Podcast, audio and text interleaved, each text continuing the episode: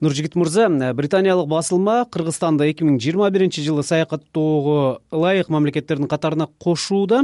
Бирок пандемия коркунучу кете элек андыктан туристтер көбөйөт деп ишенимдүү айта да албайбыз. Деги коронавирус кризисинде жабыркаган кыргыз туризмин жандантуунун кандай пландары бар? Ушул жыл ар бир адам үчүн ден соолук өтө маанилүү байлык экенин дагы бир жолу эске салды.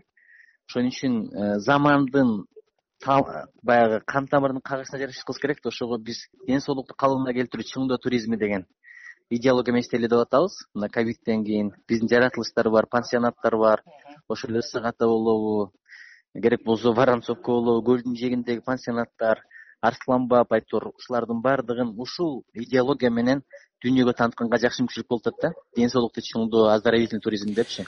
Ден соолукту чыңдоочу туризмде кандай ыкма менен жайылтканын атасыздар кандай пландар бар? Эми жайылтканда биз эл аралык партнерлор менен иштеген атабыз. Мисалы мына корейлер менен иштеп атабыз. Алар биз жөнүндө роликтерди тартып э, дүйнөгө чыгарып атышат. Өзүбүз деле социалдык тармактарды колдонуп мүмкүн болсо байланыштарды колдонобуз донорлорду тартабыз. Айтор биринчи мындай пиар жогорку деңгээлде болуш керек да бул жагында э, стратегия менен иштейбиз. Анан областтарда туризмди өнүктүрүү боюнча кеңештер бар. Аларды мындай формалдуу эле болбостон иштерин жандандыруу өтө маанилүү болуп атат. Анан ички туризмди өнүктүрүш керек экен. Анткени чек аралар ачылат деген кепилдик дагы деле жок албетте. Аба жолдору ачылды бирок мындай э, транспорт жолдору ачыла элек да ушул боюнча иштерди жүргүзөбүз. Бирок ачылбай турган болсо карасаңыз чет өлкөлүктөр келип э, мисалы биздин музейлерге киришкен тарыхый жайларга барышкен азыр андай болбой калыптыр да ошондон бир топ аркага кетип калыптырбыз.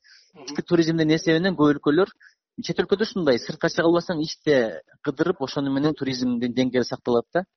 Ушул анан кийин быйыл брендинг. Мисалы кыргызстанда бир эле ысык көлү жакшы билет бирок башка жактар анча белгилүү эмес. Ошон үчүн мына геопарктар деп коет э, жанагы табигатты ушул бойдон сактоо багытында баткенден баштап кийин ошто ушу геопарктарды ачып региондорду брендинг кылыш керек болуп атат да. Мисалы айгүл э, гүлү аркылуу же болбосо кыргыз сакурасы деп өрүкзар аркылуу баткенди анан кеч келген көктөм деп мисалы ойлонуп атабыз нарындачы. Башка жакта жай аптап болуп анан жер саргая баштаганда нарында дагы деле жаз болот да ушул кеч келген көктөм же болбосо жайдагы жаз дегендейби ушундай долбоорлор менен региондорду брендинг кылыш жагын карап атабыз. Гардиан басылмасы кооз жаратылыштан улам кыргызстанды дүйнөдөгү туристтерге сунуш кылып атпайбы туристтерди тосуп алуу маданияты ага канчалык жооп берет. Себеби буга чейин бир катар чет элдиктер айлана чөйрөгө жасалган мамиледен ирэнжигенин социалдык түйүндөргө жазышкан. Бизде гардиан эмне үчүн киргизди анткени бизде ландшафт аябай жакшы география абдан жакшы аба баягы таза суу жараткан берген табигат жакшы ошого жараша болушу керек да. Мисалы туристтер келет экен дагы э, сүрөттөрдөн көрүп алып рекламаны көрүп. Бирок эмнеге капа болот билесизби баягы таштандылар көп экенин абдан капа болот экен да. Сүрөттө мулар жок эле депчи. Баклажка анан кийин пакет сакет. Ошого мындай тазалыкты сактоо жоопкерчилик меймандостук боюнча дагы абдан чоң иш чаралар кылалы деп атабыз анан билесизби баягы таксисттерди окутабыз дедик эле ошол долбоорду быйыл кылабыз. Таксисттерди официанттарды. Анан бир топ эле иштер бар. Мисалы карасаңыз көпчүлүгү таластагы жанагы талас согушу болгон жерди көрөбүз деп келет экен баарысы жөн эле талаа турат. Ошондой жерлерге стелаларды орнотуш керек. Э, анан кычкы туризм боюнча цифровизация боюнча анан э, ысык көл менен ошту бул туризмди туруктуу өнүктүрүү боюнча иштер жасалып атат азырчы сиз айтып жаткан идеяларды пландарды ишке ашыруу үчүн өкмөттө каржы жетиштүүбү? Кеп ошондо болуп атпайбы кеп эмнеде кеп.